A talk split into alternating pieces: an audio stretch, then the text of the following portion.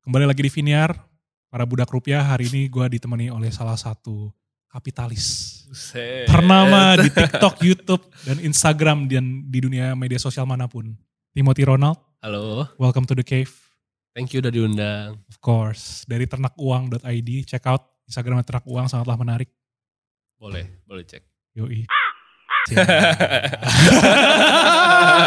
Oke, tim. Oke, Timmy, ada beberapa pertanyaan-pertanyaan dari netizen, dari Ah. budak rupiah, dari Budak rupiah. follower-followernya si Volix. Kita Mm, panggil budak rupiah. Dan kita bakal bahas bareng-bareng nih. Ada pertanyaan sama ada tu- curhatan sih. boleh, boleh, Ntar gue bolak-balik lah ada pertanyaan, ada curhatan. boleh, boleh. Kayak gue baca-bacain nanti. Oke. Siap? Siap. Pertanyaan pertama. Kenapa nyari uang susah tapi ngabisinnya gampang? Nah karena ini manusia tuh apalagi di Indonesia ya baru dapat duit dikit. Ibaratnya yang kayak waktu itu ada kasus kan itu yang dapat Mobil. berapa miliar tuh nah, beli mobil tuh. Yang desa ya? Nah yang desa tuh baru dapat duit habis sama mereka. Karena gue rasa gimana ya. Tapi gue, ini gue juga sebenarnya gue pribadi ya walaupun gue ngajarin kalian tentang keuangan, manage duit segala macam, gue tuh juga bocor juga uangnya. Bener. Beli botol sekali udah berapa 3 juta gitu kan.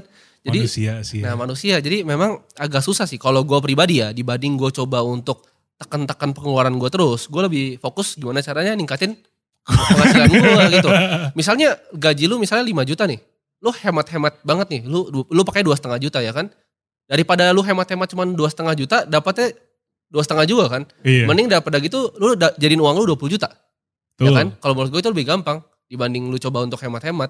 Dan lu 20 juta lu boleh spend 10 juta. Masih sisa berapa? 10 juta. Itu kalau gue. Mental kapitalis. saya suka. kapitalis banget anjir. gue lebih pilih kayak gitu. Itu kalau Bagus, pribadi bagus, gua. bagus. Tapi bener sih, kalau pemasukan lu bertambah, itu bakal lebih gampang ketimbang pe- eh, pengeluaran lu lu kecilin. Betul, tapi memang harus dikecilin. Tapi pengeluaran tuh cuma bisa ditekan sampai some point gitu loh. Lu nggak Iya. mungkin tekan pengeluaran lu sampai sejuta per bulan kan? Ya kan? Iya. Apalagi di Jakarta gila. Aduh lu. Jakarta sakit sih kalau kayak Iya, gitu. gue parkir sini di Palak Ceban tadi.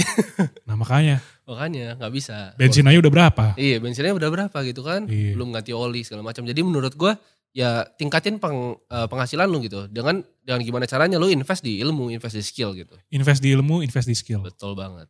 Menurut lu dua hal itu yang lebih penting daripada investasi investasi ter- terpenting lu Oke. di mana? Investasi terpenting gua itu yang pertama pasti ilmu. Yang kedua itu kalau menurut gua ya networking sebenarnya. Bener sih. Karena dengan network tuh lu bisa ya co- misalnya sekarang ya, lu bikin uang gua sekarang semua ke nol. Gue bisa bangun lagi kenapa? Karena gue punya network ya. Gue Yoi. tinggal pinjam. Nih, Bro, gue ada ide ini nih. Bisa pinjamin modal nggak? Kayak gitu loh.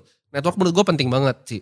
Sama ilmu lah. Gue beli buku tuh 400 ribu tuh. Judulnya The Intelligent Investor. di warna Intelligent Investor. Iya, 400 ribu itu jadiin gue miliaran sekarang. Karena Dari satu ilmunya, buku itu. Satu buku itu. Bener sih. Iya, jadi invest di ilmu menurut gue paling penting. Knowledge is power ya. Iya, knowledge is power. Gue percaya And orang dalam also. banget. Orang dalam juga jangan, jangan lupa guys. Dan orang dalam bisa di Dapat dari mana? dapat dari Network. network. Yes. Kalau lo mau networking lu dapat orang dalam. Yes, betul banget. Tapi, Sesimpel lu datang ke apa- acara-acara net- networking. nah bener banget itu. DM DMin orang. Diam-diamin orang. Iya. Jadi orang bilang, ah terang aja dia ada orang dalam. Tapi untuk dapat orang dalamnya itu, dia ngelakuin yang namanya networking. Bener. Nah itu. Jadi menurut gua kalau lu cuma judge orang kayak itu doang nggak benar sih. Iya, lu kalau misalnya ngejas orang, ah ini orang dalam doang, nih orang Iya. dalam doang. Ya udah lu cari juga lah orang dalam. Nah betul banget. Cari juga orang dalam. Ya kan? Itu Emang pasti. Jakarta ya? keras, men. Jakarta keras. Mau gimana lagi? Kita nggak bisa nggak bisa jadi lembut di Jakarta. iya setuju Anjir. anjay. Ini baru mulai langsung sangat kapitalis ya. Bahaya. Budak rupiah. Buruk rupiah, men bener. Oke, lanjut. Mending nabung emas fisik atau virtual? Oke, ini menarik nih. Tapi tergantung orangnya sih kalau menurut gua Gimana? Ada tuh? yang suka virtual, ada yang suka fisik gitu. Lu- Suka disimpan di safe deposit boxnya. Kalau gua sih nggak nabung emas. lu nggak nabung kenapa? Enggak, sama sekali. Karena emas itu ada yang bilang sebagai hedge ngelawan inflasi kan Oke. sebenarnya. Nilainya naik terus, ya. Tapi gue tetap lebih percaya gue beli bisnis yang produktif gitu dibanding gue beli metal gitu main emas. Walaupun Hmm. emas tuh historinya panjang memang bisa lawan inflasi, tapi gue much prefer ke instrumen yang lain dibanding emas. Oh, berarti lebih high risk ya? Gue lebih high risk gitu. Oke. Kalau misalnya mungkin tua-tua kan ngertinya investasi emas tuh, ya nggak nggak masalah. Tapi kalau misalnya mau simpen beli emas batangan pun nggak masalah gitu. Nggak ada benar nggak ada salah gak sih? Gak ada bener gak ada salah preferensi aja sih tapi Yoi. kalau gue mikirnya agak-agak itu sih gue bayangin kalau di apart gitu gue gitu gue simpan emas kayak 1-2 m gitu kalau kecolongan gitu gimana Iya. kan Serem sih itu ya. serem sih ya kan gue sih nggak gue nggak prefer emas yang batangan kalau gue mau beli tuh makanya gue harus ini emas yang paling virtual sih kalau gue Iya. Jangan yang fisik. Bitcoin lumayan gak sih?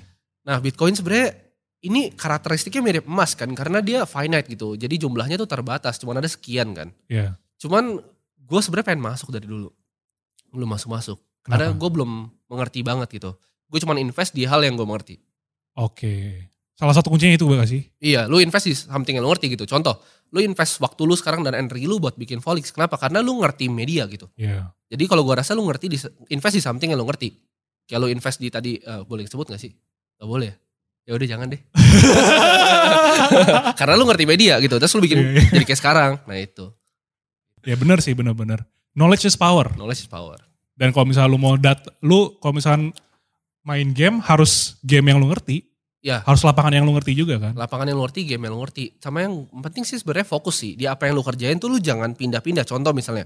Lu main media. Emang investasi tuh harus misalnya. Heeh. investasi lu harus jadi lu mesti invest saham gitu kan atau invest reksadana atau yang lain gitu tapi lu nggak harus jadi jadi kayak gua gitu fokus di saham gitu Mm-mm. karena lu hidup dari media bukan dari saham jadi gua rasa fokus tuh penting orang tuh banyak yang kutu loncat gitu baru jadi agen properti nih hype nih Cabut. cabut MLM MLM hype cabut saham saham lagi hype kan sekarang nih Ya, mau semua bitcoin kan jadi jangan jadi kutu loncat lah fokus gitu kalau menurut gua Iya.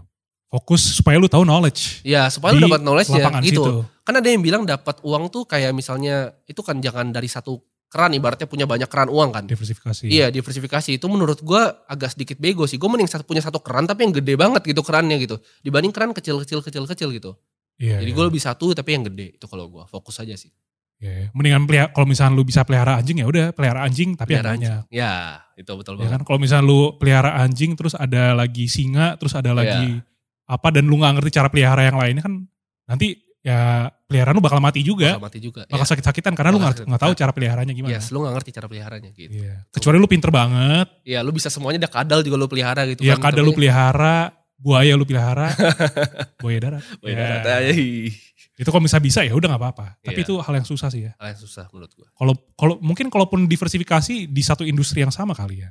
kalau even gue bisa bilang sampai kalau misalnya di dunia investasi nih, di dunia saham ada yang namanya circle of competence Mm-mm. jadi kayak ibarat pemain baseball nih mereka tuh cuman kadang mereka even biarin bolanya gitu mereka hit di tempat yang mereka tahu gitu mereka bisa hit home run gitu Oke. Ngerti nggak?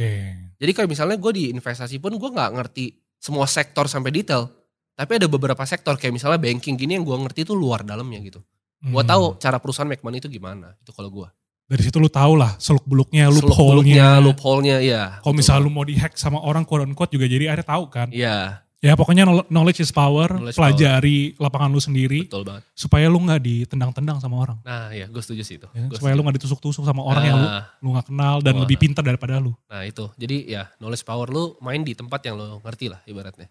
Benar. Betul. Salah satu tips jadi kaya ya. Iya. Oke, lanjut. Value investing masih relevan atau enggak? Wah ini berat ya ini pertanyaan nih, udah mulai teknis ya Yoi. pertanyaannya. Value investing apakah relevan atau enggak? Kalau misalnya value investing itu menurut gue bagus di saat market lagi crash. Sorry, bisa lu jelasin dulu value investing itu apa definisi lu? Oke, jadi value investing itu adalah seni investasi ibaratnya kita beli barang diskon. gitu. Oke. Misalnya lu mau beli sepatu lu belinya diskon gitu, harga sejuta lu beli harga 500 ribu. Nah itu value investing. Di saham tuh kita bisa dapat barang-barang yang murah ini gitu. Kalau lagi crash. kalau lagi crash sebenarnya. Tapi kalau nggak lagi crash, kayak market lagi kondisi normal, itu pun bisa sebenarnya dapat barang-barang murah. Iya. Tapi ingat barang-barang yang murah ini nggak selalu nggak semuanya naik gitu. Oke. Biasanya a- ada yang murah tapi bagus, ada yang murah juga murahan. Oke. Jadi kita harus hati-hati nih di dalam invest saham gitu. Ada di eh, investasi namanya value trap, di mana kelihatannya perusahaan itu murah dan bagus, tapi sahamnya tuh nggak naik-naik gitu. Oke. Karena gini, kalau gue ini pengalaman gue sendiri di market ya, mungkin orang punya pengalaman yang ber- berbeda ya. Tapi gue ngerasa kalau misalnya saham itu, kalau dia mau naik, itu biasanya ownernya itu ada kepentingan atau enggak ada sentimen apa di luar. Oke. Jadi nggak bisa pure dari perusahaan yang bagus saja. Itu sama pengalaman gue. Tapi apakah value investing itu mati? Gue bisa bilang enggak karena itu masih gue terapin sampai sekarang gitu. Intinya lu harus tahu mana yang murah dan tapi emang bagus atau Yes. Iya. murah dan murahan. Yes, bener. Murah tapi bagus gitu. Murah tapi bagus. Iya. Jangan sampai murah tapi murahan ya. Iya, jangan murah tapi murahan. Oke, Itu tuh caranya gimana ya lu pelajari. Iya, cara gimana pelajari? Di mana? Di ternakuang.id. Iya. Anjir, mantap. Download aplikasi ternakuang.id jangan lupa. Mantap. Free Media Value itu mantap. nih menarik nih. Pengalaman terbaik yang gak bisa lu lupain ketika lu berkarir atau nyari uang. Wah pengalaman sih gue banyak sih.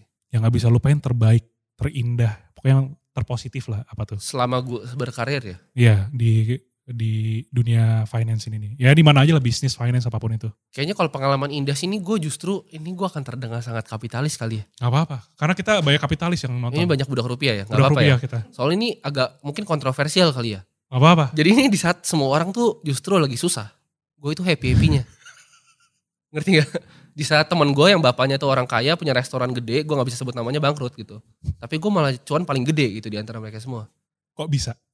Karena waktu itu kan market crash kan. Sebenarnya ini ini gue mau bilang analisa biar gue kelihatan keren tapi hoki sebenarnya. Oke. Jadi di Februari gue tuh intinya gue cabut dari market lah.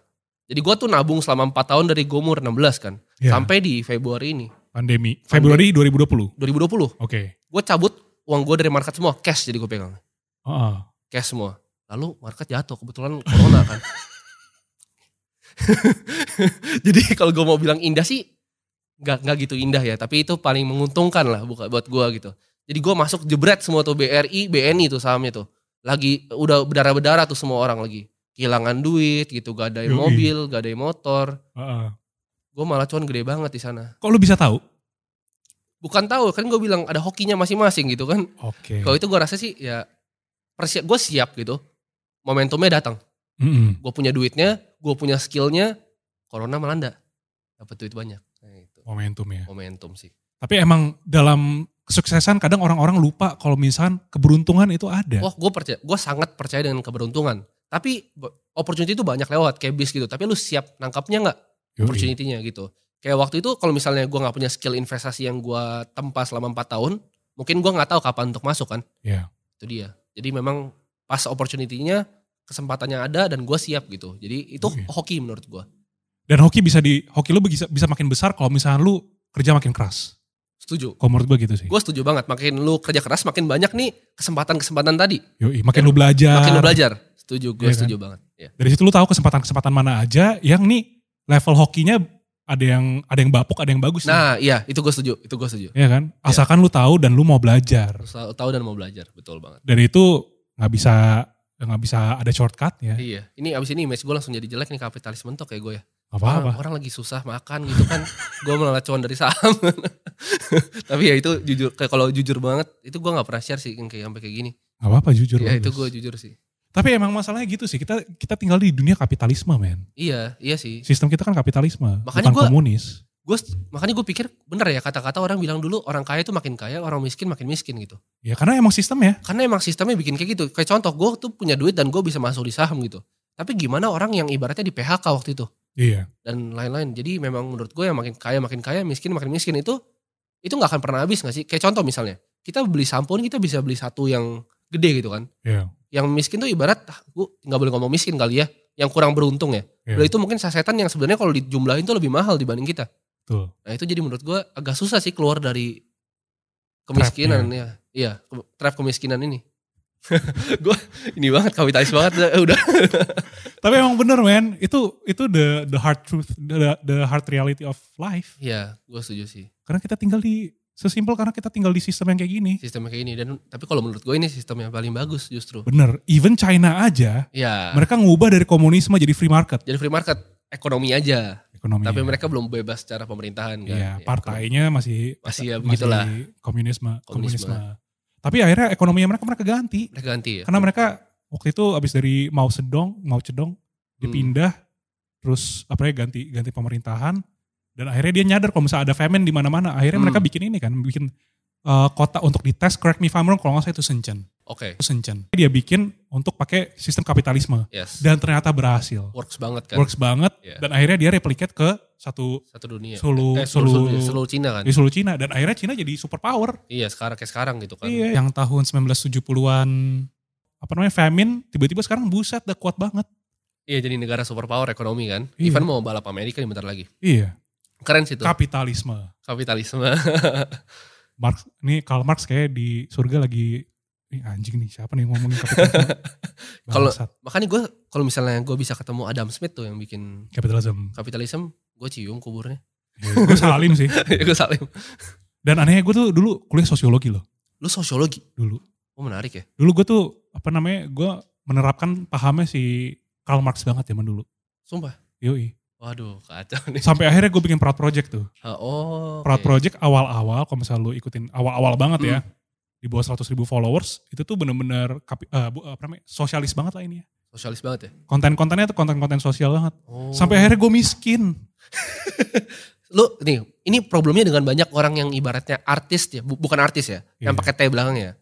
Mereka tuh banyak yang idealismenya terlalu tinggi sampai miskin gitu. Nggak diimbangi. Kasih ya gue kadang kasihan gitu kayak mereka tuh bisa jual lebih mahal tapi enggak gitu. Jadi Iya, idealisnya yang penting oh gue mau bikin karya, gue bikin karya tapi lu nggak bisa makan, men. Menurut Yoi. gue di dunia yang kapitalisme ini lu nggak bisa kayak gitu. Idealisme lu will only get you so far gitu ibaratnya. Betul. Jadi jangan jadi idealis gitu. Lu follow the money lah kalau menurut gue. Idealis sebagai kapitalis. Idealis sebagai kapitalis, setuju gue. Anjir, sumpah ini episode paling kapitalis. Sepanjang Viniar, anjir.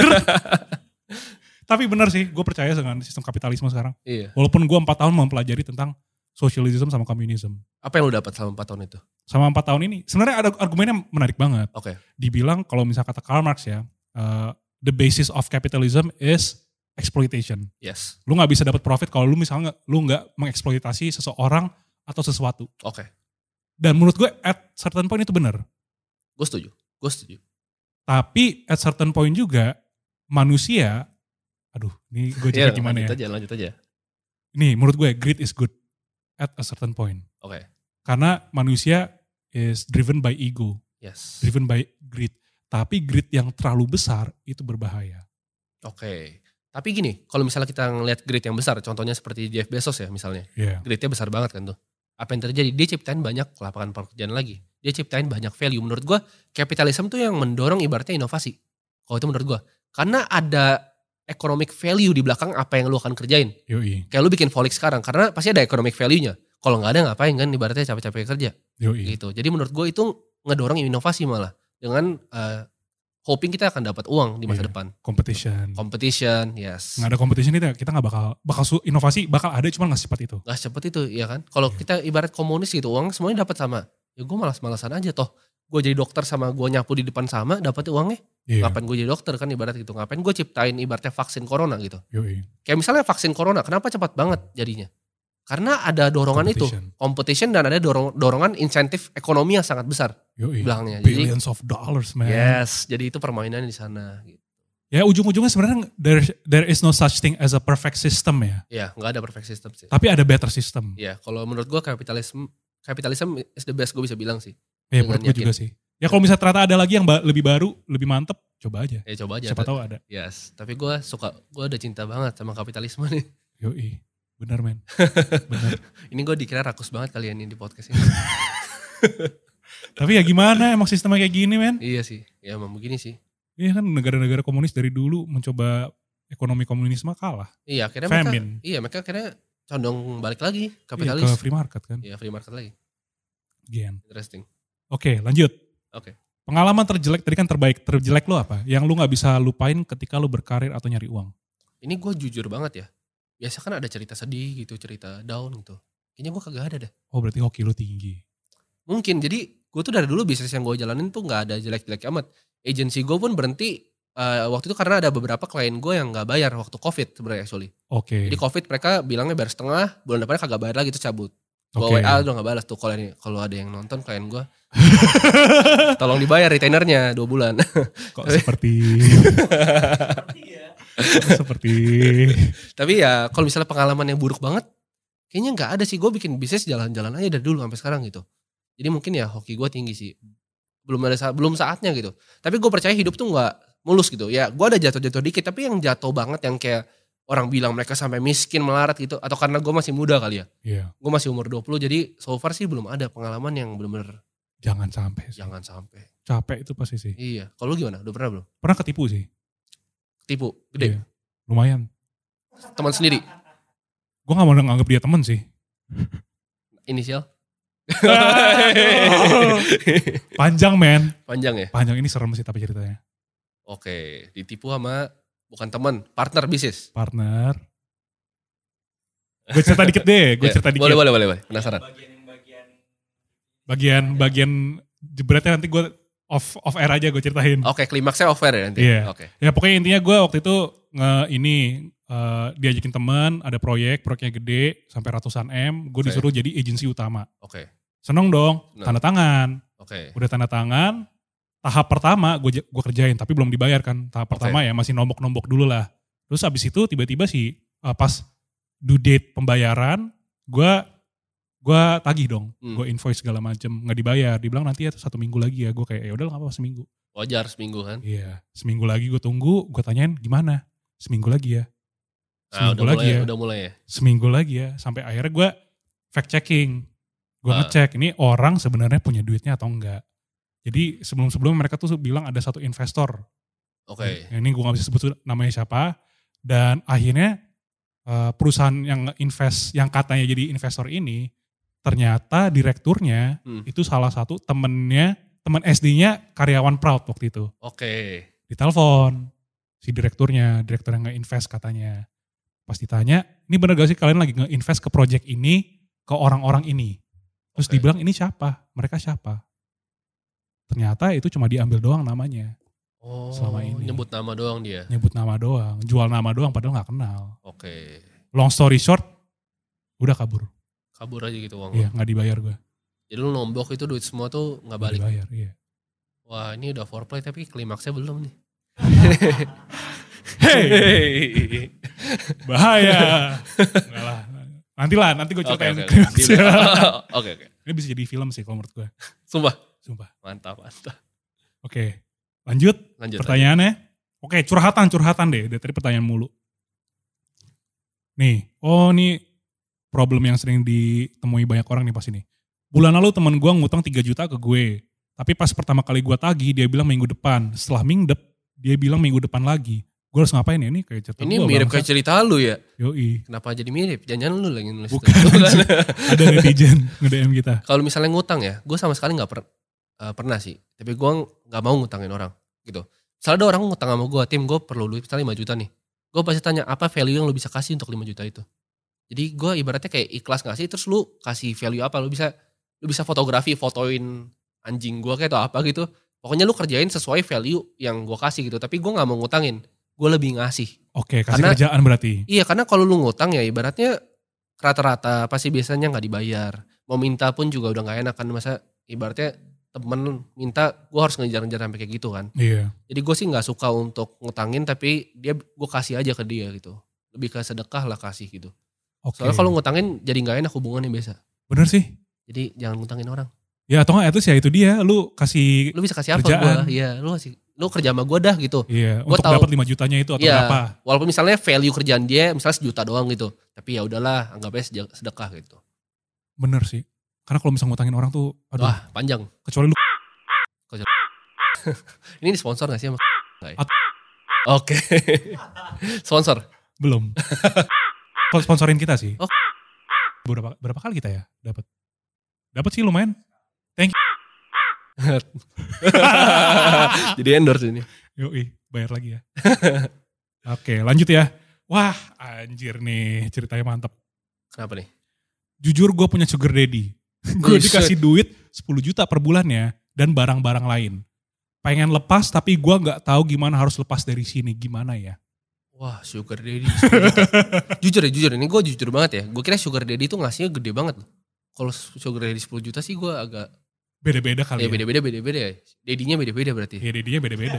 Ada mungkin ada yang levelnya kayak misalkan tajirnya tajir Hotman Hotman Orang Paris. Paris ya. Kata gue itu ngasih lebih sih. Iya makanya gue gue juga gue juga gue pernah dengar ya cerita-cerita gini di circle gue. Gue nggak pernah dengar yang 10 juta sugar daddy. Oh ya? Iya. 10 juta berarti kecil banget dong ya. Kayaknya kecil Untuk banget gak sih? Circle-circle sugar daddy gitu. Iya kayaknya kecil sih kalau 10 juta. Tapi gimana caranya lepas ya kerja bro. gak ada gak ada explanation lain kerja bro. Bener sih. Iya. Mau gimana lagi anjir? Iya. Kerja anjir mau gimana lagi? Sebenarnya itu dia kerja juga kan. Ya Servisnya basically beda lagi tapi kan. Beda service bener. Iya, beda lu service. cari yang bisa, lu bisa jual service yang lain lah, jangan yang itu doang gitu. Iya. Kalau mau lepas, tapi kalau nggak mau lepas juga nggak apa-apa ya. Ya, Hak masing-masing kalau menurut gua. Heeh. Hak masing-masing. hak masing-masing sih. Iya, lu dapat uangnya dia dapat value-nya juga. Ya, cengeng Ada gitu. timbal balik. timbal balik menurut gua nggak apa-apa gitu Sugar daddy itu legal gak sih? nah itu dia kalau di Indonesia kan moralnya agak tinggi ya budaya timur kalau Secara menurut etis yang pasti gua, nggak, tricky. tricky Mm. eh, ya secara etis mungkin ada orang ada beberapa circle yang menganggap sugar daddy itu hal biasa Hmm. tapi ada beberapa orang yang menganggap itu hal yang menyeramkan dan terlalu apa ya tabu kali ya Iya, kalau gue sih agak agak kalau cowok kita gimana ya? Lu mau gak dipelihara? kalau gua kan bodo rantau amat kalau gua gua nggak mau sih punya sugar daddy eh punya sugar baby Bukan, bukan. Kalau lu jadi peliharaan tante-tante mau gak? Wah. Ah. Gini ada tante nih, tante bilang. Woi temenin tante gitu kan. Uang misalnya berapa ya? Kasih kasih 50 juta lah sebulan gitu. Dibelanjain, lu boleh bebas tuh ke mall. misalnya tapi gua harus KPI. ngapain harus temenin dia makan, temenin dia jalan-jalan, temenin dia di ranjang. Gini, gue percaya bahwa semua orang tuh punya titik kilafnya. 50 juta enggak kan per Enggak, bulan? gua enggak 100, belum 200. maybe itu kan. Jadi sama kayak, iya gue percaya gitu sih. Semua orang punya titik kilafnya di berapa. Gue percaya bahwa semua orang tuh bisa dibeli gitu. Cuma berapa aja harganya kan. Kalau gue juga even ditawarin saya 3M gitu. Mungkin mikir gue. Kalau ada tante yang 3M, enggak bercanda-bercanda.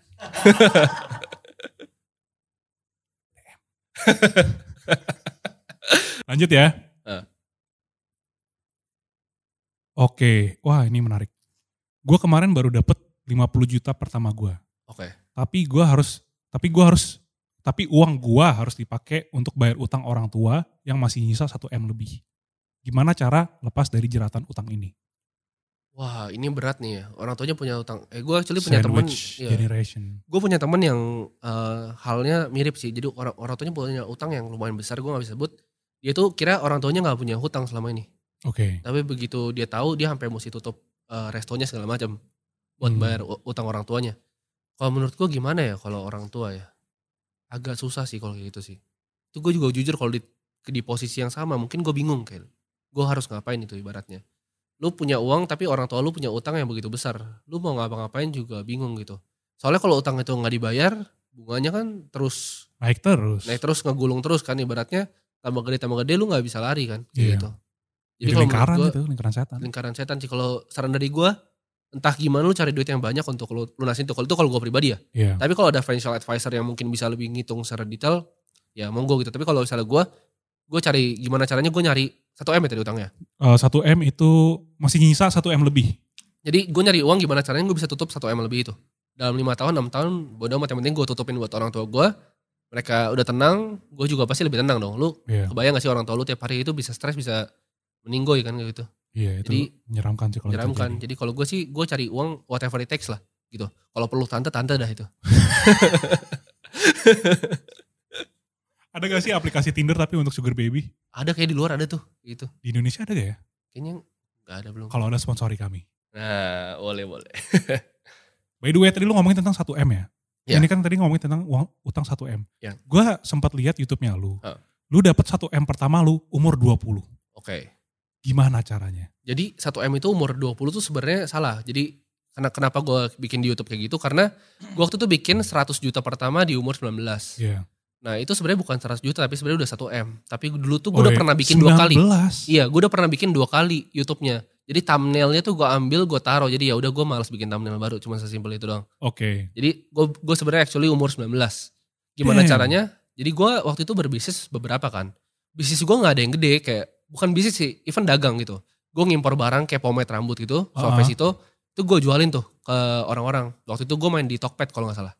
Jadi gue main di Tokped, even di Kaskus dulu. Waktu itu Oh, Tokped masih FJB berarti ya. Iya, Kaskus, Tokped tuh masih kecil banget cuy. Jadi Masih nggak kayak sekarang. forum, forum jual beli, eh, Iya. ju- jual beli. Waktu itu ads per kliknya untuk naik nomor satu tuh seingat gue tuh 500 perak Sekarang berapa? sekarang udah nggak tahu gue udah nggak tahu gue udah nggak main kan tapi 500 perak tuh lu udah bisa nyampe paling atas tuh waktu itu Oke. di Tokped jadi terus waktu itu kan Cristiano Ronaldo kan rambutnya lagi beda nih lagi baru tuh lagi yang zaman zaman 2016 tuh waktu itu jadi gue pakai iklan itu gue tembak tembakin tuh iklannya nah itu gue mulai laku pemain gue gue dapat puluhan juta lah dari sana Oke. per bulan gitu kan nah dari situ gue invest tuh ke saham semuanya jadi gue beli saham BCA tuh waktu masih 17.000 ribu Oh, blue chip ya mainnya. Iya, Barito tuh gue masih 100 gitu kan, gue beli 170, 140.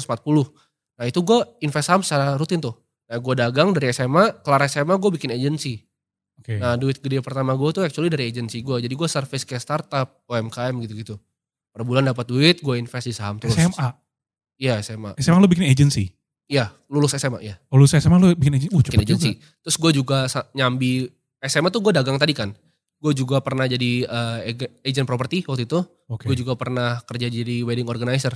Sabtu Oh Minggu. semua ya berarti lu, ma- lu mainin Iya, ya? Jadi gue jualan yang pomade itu kan itu kan bisa ya, online kan gampang. Jadi sambil di sekolah juga gue bisa accept orderan gitu walaupun nggak boleh buka HP di sekolah waktu itu.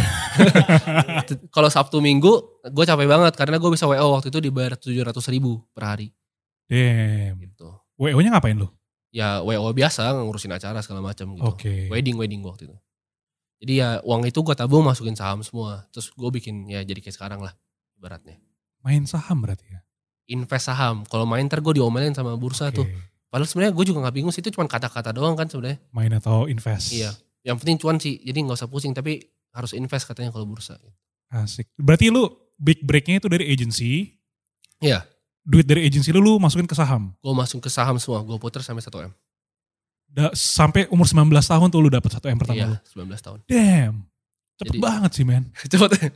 Cepet banget sih itu 1 M. iya, jadi dari situ sih gue. Nah baru mulai gue bikin company yang sekarang kan, Ternak Uang ini. Setelah gue udah ngerti ibaratnya seluk-beluknya di dunia saham tuh gimana, gue mau coba sharing awalnya kan. Gue sharing, waktu itu gue bikin eh, kelas, terus lumayan rame, terus gue bikin ya udah gue bikin ini gue seriusin deh gue jadiin company. Iya. Jadi kayak sekarang gitu Ternak Uang. Jangan lupa belajar nyari duit di ternakuang.id. Free media lagi Iya nih asik. Ini gue baru apa nih abis ini? Ntar gue invoice ya. Oke. Tapi gila sih ternak uang itu cepet banget menurut gue ya. Iya. Kapan lu mulai? Eh, tujuh bulan tujuh bulan lalu Tujuh- pas eh, Agustus. ya Agustus gitu Kurang lebih Agustus ya. kurang lebih Agustus gue Udah mulai. mau cepet tuh. Followersnya gue lihat ya di followersnya udah, Instagram. udah cepet ya lumayan lah Mantep tujuh sih bulan. itu. Keren, keren, keren. Lanjut ya. Oke, menarik. apa nih gue bayarin sekolah adik gue pakai duit gue open BO. hmm. iya. Salah gak menurut lo? kalau itu sebenarnya sebenarnya kalau gue ya pilihan masing-masing sih Iya kembali lagi ke pilihan gak sih? kembaliin ke pilihan masing-masing kadang tuh kalau misalnya lu tanya orang-orang yang misalnya contoh yang gak usah jauh-jauh ya gak usah open BO ya kayak SPG rokok kadang gue tuh sempet iseng kan waktu itu ngobrol aja kan kayak kenapa ibaratnya jadi SPG gitu kan jawaban Ah. tuh kadang menarik sih ada yang orang tuanya sakit ada yang ini sakit ada Hmm. yang harus bayar adanya sekolah kalau menurut gue sometimes ya hidup itu nggak adil sih Lu- you have to do whatever it takes tapi ya kembali ke moral masing-masing kan eh, everybody has their own moral compass kalau menurut gue Iya. batasan moral orang tuh beda-beda. Tapi kalau uang itu objektif, kalau moral tuh subjektif menurut gua. Wis. Jadi cost tuh. Quote of the day. Iya. gua sih Moral gitu. itu subjektif. subjektif, uang itu, Uang itu o- objektif. objektif. Makanya kayak Pablo Escobar mungkin lu pernah denger gak sih kayak gini, eh, every villain tuh menurutnya menurut mereka tuh superhero di story mereka sendiri. Iya. Kayak Pablo Escobar mungkin merasa dia superhero-nya gitu. Ya di Medellin dia juga dipuji-puji juga kan zaman dulu kan. Yes, mereka dia juga dipuji-puji, tapi ya cara dia kan orang bilang immoral gitu. Iya. Tapi uangnya dia achieve tuh objektif menurut gua. Jadi ya gue bukan nyaranin orang untuk jadi jahat atau apa ya. Tapi moral boundary seorang tuh beda-beda dan lo gak bisa samain semua orang. Bener. Tapi yang lakuin yang baik-baik aja ya. Iya. Yang penting jangan ngerugiin orang sih ya. Iya ya, gue setuju jangan jangan ngecek orang ibaratnya, jangan nipu orang gitu. Betul. Karena lu kalau gue percaya banget sama karma sih. Jadi kalau misalnya lu jahatin orang, lu bakal dijahatin juga sama orang. Lu baik-baik sama orang, lu juga akan dapat baiknya gitu. Lanjut. Lanjut ya. Oke. Gimana caranya supaya nggak tergoda beli barang nggak penting? Oke, lu bisa harus define nggak penting gitu. Apa? Nggak penting itu gimana? Mobil kah? Misalkan, let's say apa ya? Misalkan gue, gue udah punya HP, gue beli lagi HP. Kan lu kerjaan lu di media. Menurut gue itu investment karena setiap hari lu bukannya HP dulu, lu bangun liatnya HP. Iya sih, tapi gue nggak perlu. Investment. Nah, kalau nggak perlu ya itu it's up to masing-masing ya. Tapi kalau gue ngerasa gak semua barang mewah tuh buang-buang gitu. Heeh. Karena kayak ada yang pakai misalnya mobil mewah kayak teman gue untuk branding gitu. Dia nggak suka mobil mewah, tapi dia pakai untuk Brand. brand. Menurut gue tergantung barangnya sih. Selama itu give value ke lu, ya menurut gue nggak ada problem. Jadi gue punya konsep yang namanya money dial. Apa tuh? Jadi gini, money dial tuh gini. Misalnya eh, lu pribadi nih, ada nggak hal yang lu suka untuk spending uang? Contohnya traveling, beli gadget atau apa? Lu ada nggak? Ada. Apa? Kalau Ya traveling sih. Traveling kan. Jadi gini, kalau money dial itu misalnya lu nggak terlalu suka dimakan nih misalnya. Jadi lu cut back makan-makan mewah lu itu, lu cut back yang lain mobil lu biasa aja, tapi lu travel keliling dunia happy gak lu? Happy sih. Nah, itu money dial lu. Oh. Kalau misalnya partner gua ada yang di tech, dia suka banget digital. Dia beli iPhone terbaru, Apple Watch terbaru, dia senang gitu. Jadi apapun yang berhubungan dengan tech dia mau beli. Tapi yang lain dia tuh biasa-biasa aja gitu, makan-makan ayam geprek gitu. Hmm. Nah kalau gua, gue suka mobil sama jam tangan gitu. Jadi gua mungkin ya gue nggak bisa gue bilang gue hemat di makan juga sih tapi karena gue suka makan juga jadi ya tapi orang tuh ada money dialnya masing-masing gitu tergantung misalnya lu tuh sukanya di mana gitu kalau misalnya lu nggak suka jam tangan lu mau dibeliin patek juga lu biasa aja kan dibanding lu travel keliling dunia gitu Iya. Nah itu money dial masing-masing. Jadi gue rasa lu harus tahu money dial lu tuh apa gitu. Apa yang bikin lu tuh seneng, lu bikin lu happy. Kalau misalnya money dial lu beli mainan gitu kayak misalnya Iron Man yang mahal banget itu. Go ahead itu bukan buang-buang duit. Itu beli happiness lu kalau kalau- itu dari gue pribadi ya. Itu gua. Money can buy ha- can buy happiness ya. Bisa ya. Selama itu lu tahu happiness lu di mana. Lu tau happiness lu di mana ya. Kayak travel tuh eh, mostly kayaknya travel sih paling banyak ya. Iya, karena experience ya. Karena experience. Jadi Kan memang Memori. iya gue even lebih prefer sebenarnya untuk beli experience sih dibanding barang-barang. Tapi kan sekarang kita nggak bisa travel ya. Corona Iya, nih, pandemi men repot pandemi. banget. Iya. Ke Bali aja susah sekarang. Iya ke Bali susah. Paling Bali doang kan. Jepang juga Mentok-mentok. kat- katanya April buka tapi gue gak tahu sih. Gua gak tahu, gua gak terlalu Oh, ngikutin iya. berita. Jadi travel sih kalau menurut gue banyak-banyak juga tuh yang suka manidalnya ke travel. Tuh, Iya, benar benar. Beli experience. Ya udah satu tips deh untuk mengelola uang ke ini. Satu tips ya untuk mengelola uang. Ini simpel banget sebenarnya. Tapi semua orang tuh kayak ibaratnya fitness gitu. Fitness tuh orang dibilang harus makan sehat tapi mereka gak makan sehat ya kan. Sebenarnya simpel. Lu ni- naikin pengeluaran, naikin lu pendapatan lu, kurangin pengeluaran lu, selesai. Sesimpel itu ya. Sesimpel tuh. Spreadnya itu lu invest. Dah, Oke. pendapatan sekian, pengeluaran sekian, sisanya invest. Investasi ke saham. Kalau itu Atau kemanapun instrumen gua. itulah ya. manapun itu terserah kalian. Kalau lu jago Bitcoin, go ahead. Tapi kalau gue instrumen yang gue pakai itu saham. Hmm. Kenapa saham? Karena semua orang kaya di dunia tuh di saham men gitu. Gue nggak lihat ada billionaire, ada sih yang bikin Binance, tapi gue nggak lihat yang ada- jadi billionaire beneran dari Bitcoin. Sedangkan kalau saham gue bisa sebut ribuan Iya. jadi kaya gitu. Yang dari yang dari Bitcoin nggak banyak lah ya. Gak banyak. Ada, gitu. tapi nggak ada banyak. tapi nggak banyak. Kayak si siapa siapa Twin tuh. Oh, yang iya. Facebook dulu. Banyak ya, ya. Yang banyak- menang banyak yang jadi gara-gara gara-gara si Bitcoin. Ya preferensi masing-masing lah. Tapi kalau gue di saham gitu. Oke. Tadi apa? Naikin Pendapatan, pendapat Income. pendapatan. Iya. Turunin Kemudian pengeluaran. selesai. Sisanya lo invest. Sesimpel itu sebenarnya ngelola duit ya. Iya cuman orang tuh banyak yang kayak oh gue perlu ke financial planner nih gue perlu gini. Gak perlu men kayak jujur aja gue gue juga gak ngerti sebenarnya orang ke financial planner tuh buat apa. Mungkin untuk merencanakan misalnya kayak dana pernikahan ya go ahead gitu. Tapi kan lu financial planner lu bayar lagi dia ya gak sih. Iya. Double lagi. Jadi gue rasa ya peng- pendapatan lu pengeluaran lu sisanya invest selesai. Gue seumur hidup gue gak pernah financial planning gitu. Oke. Tapi kayak gue mau nikah besok juga bisa gitu kan. Kenapa? Karena gue lakuin yang tadi doang udah simple. Gue sih gak ribet sih planning-planning gue. Gue gak suka planning yang terlalu gimana-gimana gitu kalau gue. pokoknya prinsipnya itu ya. Iya. Peningkatan eh, apa namanya? Ningkatin eh, income, kurangin cost lo. Iya kurangin kok selesai. Soalnya lu treat manusia ini kita kayak bisnis aja men. Kalau gue Timothy itu gue punya kayak financial statement saya sendiri. Apa tuh? Kayak Ya lu di Forex pasti ada kan. Kayak misalnya income statement ya balance sheet Oh, ada iya, kan. iya. Gue juga bikin buat gue pribadi gitu. Gue tahu tiap bulan aset gue tuh nambah berapa kurang berapa. Bocornya kemana. Jadi kalau misalnya satu tips yang mungkin penting banget ya. Catat pengeluaran lo. Mungkin ini kedengeran lucu ya buat ngapain sih lu catat pengeluaran income lu Iya. udah banyak.